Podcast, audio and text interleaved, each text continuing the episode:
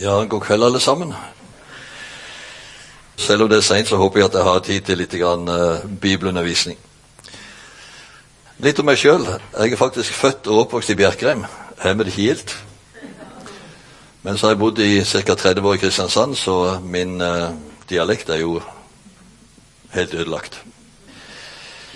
Jeg studerte teologi på Menighetsfakultetet, var skolelagsprest på Sørlandet var bibelskolelærer og landsungdomssekretær i Indremisjonen på 70-80-tallet. Fikk kall til Frikirken i Kristiansand til å bli frikirkepastor. Var der i 13 år, og siden på Bryne. Avslutta min yrkeskarriere som forstander i Nordmisjon Mandal. Og har nå vært pensjonist i sju år. Og aldri hatt det så travelt som nå. Men så lenge jeg er noenlunde klar i toppen, og ikke så verst i kroppen heller, så tenker spør folk om at jeg skal komme og preke, så gjør det gjerne. For jeg har glede av å studere Guds ord, og glede av å formidle det. Jeg syns det er mer og mer fantastisk jo mer jeg trenger ned i dette. Og det er stadig nye ting å oppdage og oppleve. Og nå Det siste året har jeg spesielt vært opptatt av dette med trosforsvar. Det vil si, jeg har vært opptatt av det tidligere også, men det begynte vel med at jeg leste at ni av ti kristne studenter våger ikke å bekjenne sin tro i studentmiljøet. Og da tenker jeg Vi har kanskje i ungdomsmiljøet lært opp de unge til hva de tror, og hvem de skal tro på.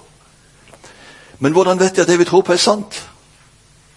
Og så sender vi de unge ut i krigen med plastskjold og gummisverd. Og det nytter forferdelig lite når de møter motstand. Ja, men vitenskapen har jo sagt. Evolusjonslæren har jo bevist.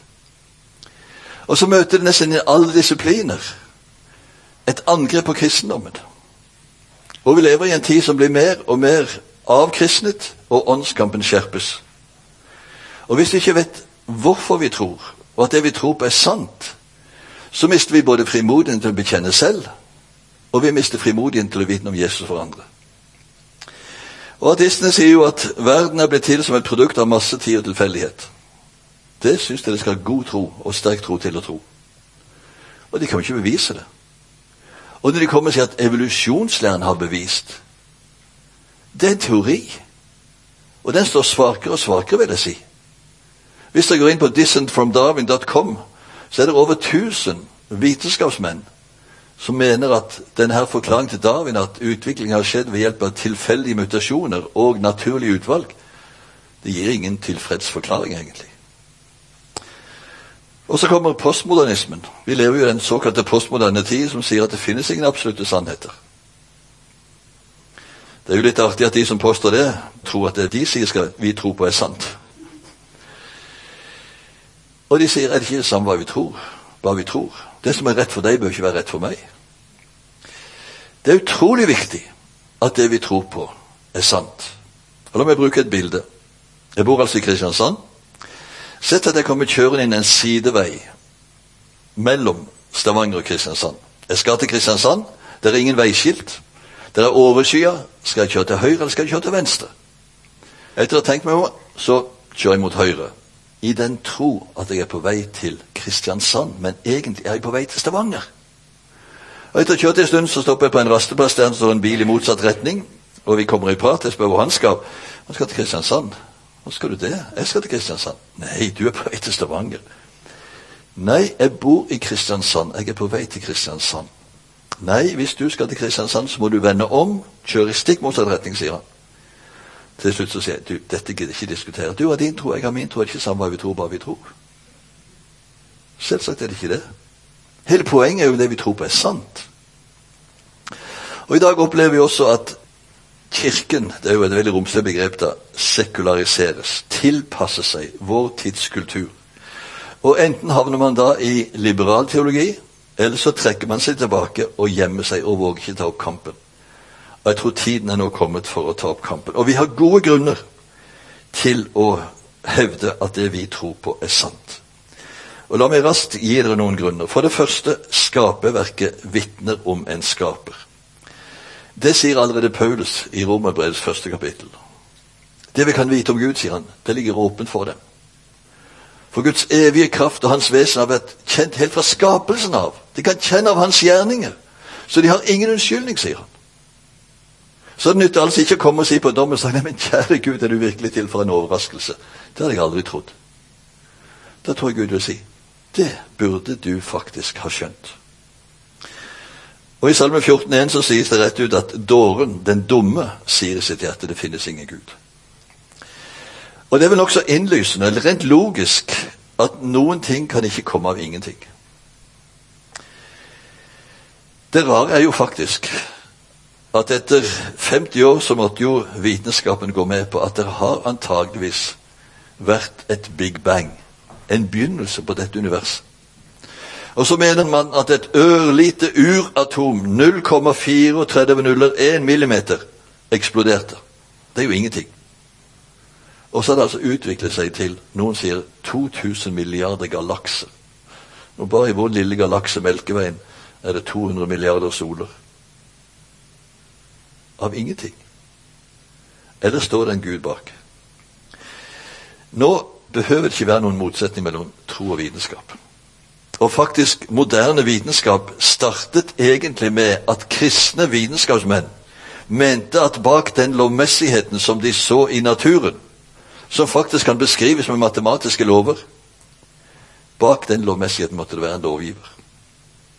Så moderne vitenskap har faktisk vokst frem av troen. Men vitenskapen de svarer på hva og hvordan. Troen svarer på hvem og hvorfor. Så det bør ikke være noen motsetning. Og En som heter John Lennox, en uh, matematikkprofessor i England, han har skrevet flere bøker, og i en av disse bøkene, 'Syv dager som forandret verden', så har han et ganske morsomt bilde. Han forteller om en vitenskapsmann som har invitert sine kolleger hjem. Og midt på bordet står det en stor bløtkake. Og disse vitenskapsmennene blir veldig interessert. Statistikerne vil vite hvor mange slike kaker har blitt laget. Historikeren vil gjerne vite når denne kaken ble påbegynt. Matematikeren begynner å regne ut volumet av denne kaken. Kjemikeren vil gjerne vite hva slags stoff den er sammensatt av. Og alle vitenskapsmennene kan ut ifra sin disiplin si noe om kaka, hva og hvordan. Men hvem har laget kaka, og hvorfor? Uansett hvor mye de analyserer, så kan de ikke finne svar på det. Før tante Mathilde kommer inn. 'Gratulerer med dagen, kjære nevø, det er jeg som har laget kaken.' Det måtte åpenbares. Og Gud har åpenbart seg, både i en historie, i Bibelen og sist i Jesus Kristus. Det skal vi snakke om i morgen. I tillegg at det må være en skaper bak skaperverket, så vitner også skaperverket om en designer. Og hele universet er jo finjustert. En uh, matematikkprofessor som heter Paul Davis, han sier at ekspansjonshastigheten etter the big bang var så nøyaktig at hadde den vært én på en ti milliardedels større, så ville universet vært tomt. Og hadde det vært én på en milliarddel mindre, så hadde alt liksom gått sammen. Men det er helt presis, nøyaktig ekspansjonshastighet. Og det samme med gravitasjonskraften. Hvis den var mindre, ville planeten og systemene bare forsvunnet ut i det uendelige. Hadde den vært sterkere alt samlet i en klump. Akkurat stabilt til å holde universet i en kontinuerlig ekspansjon. Vår jord er tilpasset oss mennesker. For det første så har vi en perfekt avstand til solen. 149,5 millioner kilometer.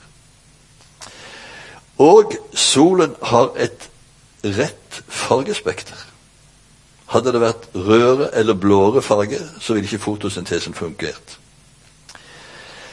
Jordens avstand er også riktig på den måten at det er passelig temperatur. Og I tillegg er omdreiningshastigheten også veldig tilpasset oss mennesker. Hvis den var saktere, så ville vi blitt stekt på framsiden når jorden venter på sola, og frosset i hjel på baksiden. Og Hadde den vært større, så hadde det vært katastrofale stormer på jorden. Men den går rundt på 24 timer. Så er også jorden dekket av en atmosfære. Og den er akkurat passe tykk, den også. Slik at meteoritter og andre ting brenner opp i atmosfæren, ellers vil det ødelegge jorden. Og så har vi et ozonlag høyt oppe, ca. 60 km, som hindrer de skadelige ultrafiolette strålene fra solen å trenge gjennom, men slipper gjennom de gode som vi koser oss med om sommeren.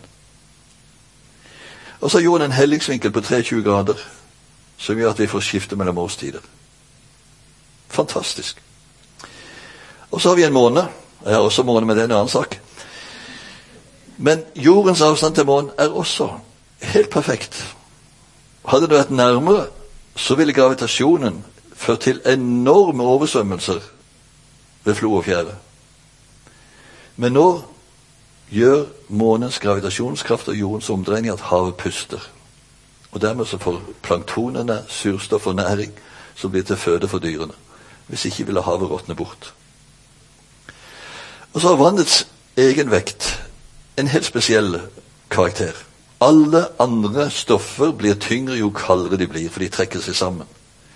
Vannet er tyngst ved fire grader. Så derfor, når vannet kjøles ned til fire grader, så synker det til bunns, og så presser det vannet opp, og så får man sirkulasjon. Ellers ville havene bunnfryse. Så ville livet dø. Og slik kan vi fortsette. En som heter Paul Davis, jeg siterte han, han sier at det er ca. 40 ulike faktorer som gjør livet her på jorden mulig. Og at alle disse 40 skal passe sammen, det er så lite sannsynlig. Han sammenligner med om du skulle treffe en mynt, skyte på en mynt på andre siden av universet. Iallfall 13,7 milliarder lyser borte og treffer blink. Det er komplett umulig. Og vi mennesker, vi har jo også et fantastisk mirakel. Tenk på våre øyne. Vi fokuserer, vi blender. Vi kan måle avstand fordi vi har to øyne, osv., osv. Og vår hørsel. Vår kommunikasjon. De ordene som jeg sier nå, de blir til oppi hjernen. Og disse nerveimpulsene, de virker på mitt strupehode og tunge, som formulerer lyder som når deres øre, som setter trommehinnen i bevegelse, som når disse her små beina i øret, som sender nerveimpulser til hjernen deres, som gjør at dere forstår det jeg sier. Alt dette skjer i løpet av et brøkdel av sekund. For en intelligens! Og så har vi vår hjerne. Det er ca. 100 milliarder nerveceller. Og hver celle har nok kapasitet tilsvarende en vanlig PC. Det skjer 40 000 synapser, 40 000 koblinger per sekund i hjernen vår. Og selv den minste celle i kroppen er et komplisert maskineri. Nå varierer tallene litt, men sist jeg leste, så har vi altså 100 billioner celler i kroppen vår. Vi består av 100 billioner celler. Og En celle er ca. en hundredels millimeter stor, og likevel som en hel by. Omgitt av en mur. Det er transportsystemer, det er energimotorer som skaper energi til kroppen. Og i cellekjernen ligger altså DNA-molekyl.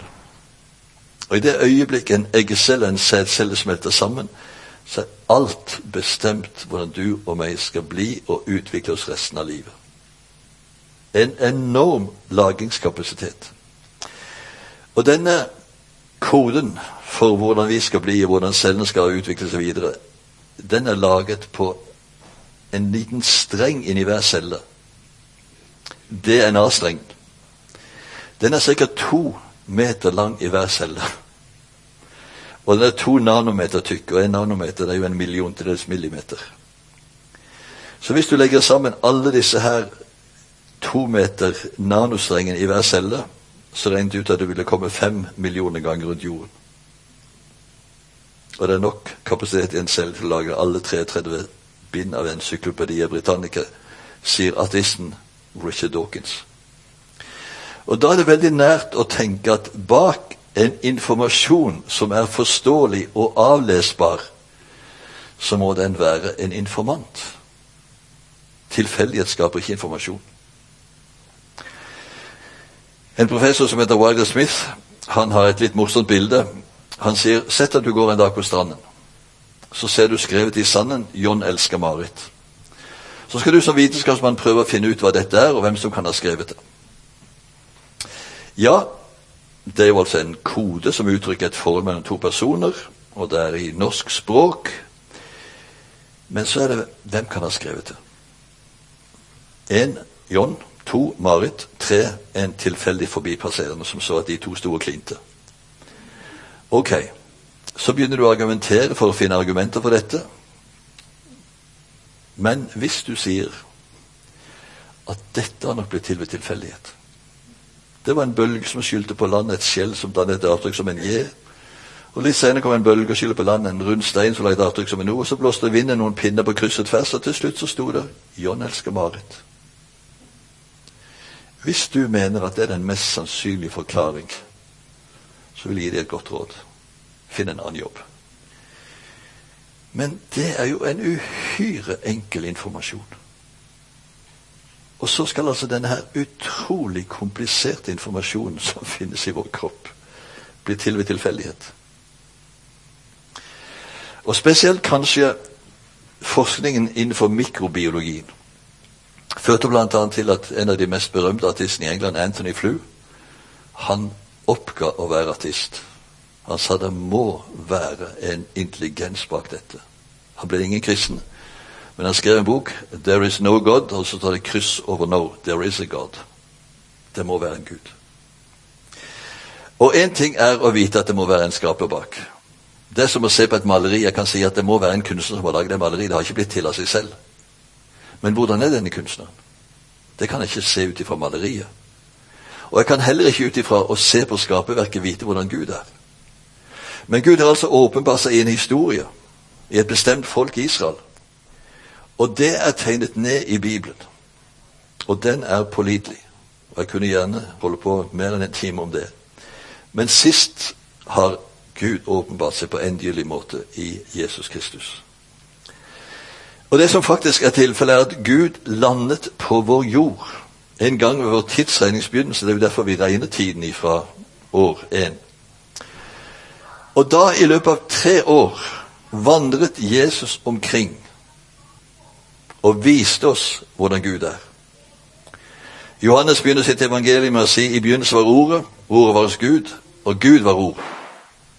Og Ordet ble menneske og tok bolig blant oss. Ingen har noen gang sett Gud, men den enbårne Sønn, som er Gud, har vist oss hvordan han er, sier Johannes i vers 18. Og Jesus sier, 'Den som har sett meg, har sett Faderen'. La meg bruke et annet bilde. Vitenskapen har jo i lang tid lyttet på verdensrommet i håp om at de skal få noen signaler som kan tyde på intelligens der ute. Og Det siste jeg nå leste, var at rundt den nærmeste stjernen eller solen i vår galakse, Alfa Centauri, der er det en planet som svirrer rundt denne solen, som heter Proxima B. Og der er det altså lignende forhold som på vår jord, og dermed kanskje liv. Ho-ho. Ja vel, så er spørsmålet hvordan ser det ut? Som oss? Er det som disse rare skapningene i Star Wars? Ja, uansett så vil alt bli gjetning. Vi kunne ikke vite noe. Men sett at det landet et romskip på Sola, og utsteg noen rare vesener, og fortalte de kom fra Alfa Centauri. De hadde lyttet på jorden, de hadde lært seg det norske språk, og vi fikk hilse på dem. Vi fikk se dem og ta på dem og hørte hva de sa. Da ville vi kunne skrive i Stavanger Aftenblad vi vet hvordan de ser ut på Proxima B. Vi har møtt dem, vi har sett dem, vi har hørt dem. Og Det er jo faktisk det Johannes også skriver i sitt første brev. Det som våre øyne har sett, det som våre ører har hørt, det som vi tok på med våre hender om livets ord som ble åpenbart for oss, skriver vi til dere. Så vi har faktisk de beste vitnene som finnes. Øye- og ørenvitner. Og ingen annen bok i historien er så godt bevitnet når det gjelder håndskrifter som vår Nytestamentet. Når det gjelder disse andre klassikerne, Cæsars kriger, Platons dialoger, hva det måtte være, finnes åtte-ti håndskrifter. Det nye testamentet finnes det ca. 25. Og det eldste fragment går tilbake til 125 etter Kristus. Ca. 250 var skriftene stort sett sånn som det er i Nye testamentet. Så vi kan med god frimodighet tro at Gud er skaperen. Og så bekjenner vi oss at vi tror på Gud Fader. Så vi tror på Gud, vår far. Og det er vel egentlig bare i kristendommen at Gud kalles far. Det kan du ikke si som muslim, at Gud er far. Nei, det går ikke. Men i kristendommen har vi lov til å si Gud er vår far. Og Et av mine favorittbibelord er jo 1. Johannes 3. Se hvor stor kjærlighet Far har vist oss. Vi får kalles Guds barn, og vi er det. Og når Jesus skulle lære sine disipler å be, så lærte han dem å si 'Vår Far'. Fader vår. Og jeg syns dette at Gud er min far, det gjør meg for det første stolt og glad. Du vet, Barna når de er små, så vil de gjerne krangle om hvem som er den største og sterkeste faren. Jeg hørte om sønnen til lensmann og sønnen til presten. De sto og krangla om det. Og sønnen til lensmann sa 'Min far kan sette din far i fengsel'. Og da sa sønnen til presten 'Min far kan begrave din far'. Og så var det jo en tredje som hadde hørt på den diskusjonen, og så kommer han og sier 'Har dere hørt om Dødehavet?' Jo, det hadde de. Det var en far som drepte det.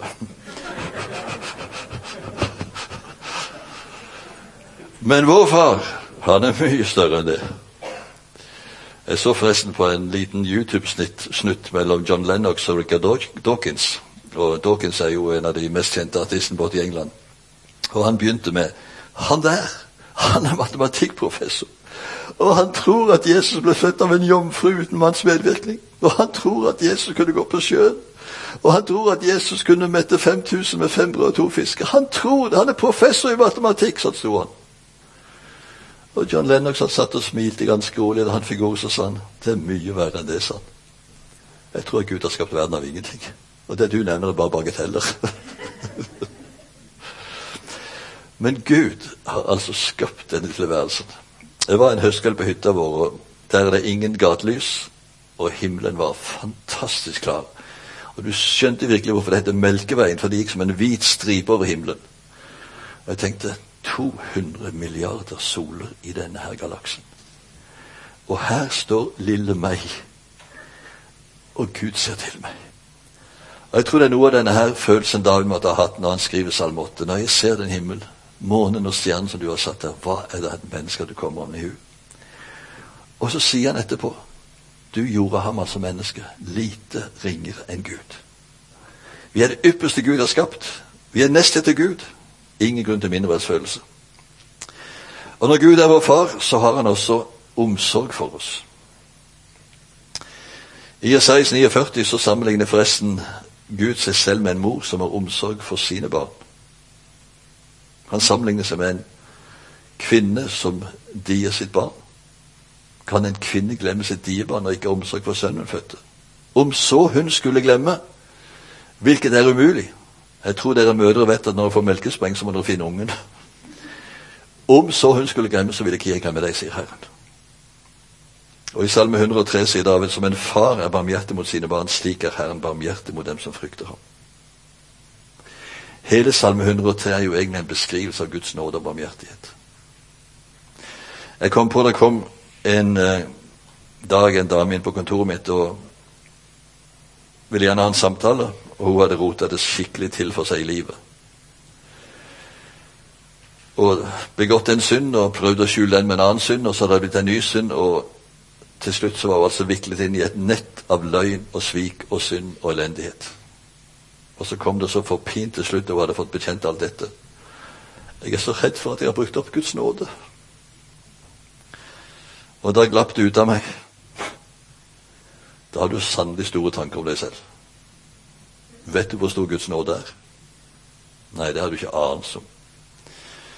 Så sa jeg, slå opp i Salme 103. Så høy som himmelen er over jorden. Så stor er Herrens miskunn mot dem som frykter. Hvor høyt er det, sa jeg. Må jeg være uendelig høyt, sa hun. Ja. Så langt som øst er fra vest, tar han våre synder bort fra oss. Hvor langt er det? Ja, det må være uendelig langt. Ja, han er det. Fra evighet til evighet var Herrens miskunn. Hvor lenge er det? Ja, det må jo være evig lenge. Og så tror altså du, et lite mikroskopisk støvfnugg i universet, som lever en brøkdel av evigheten, at du skulle kunne bruke opp Guds nåde. Å nei.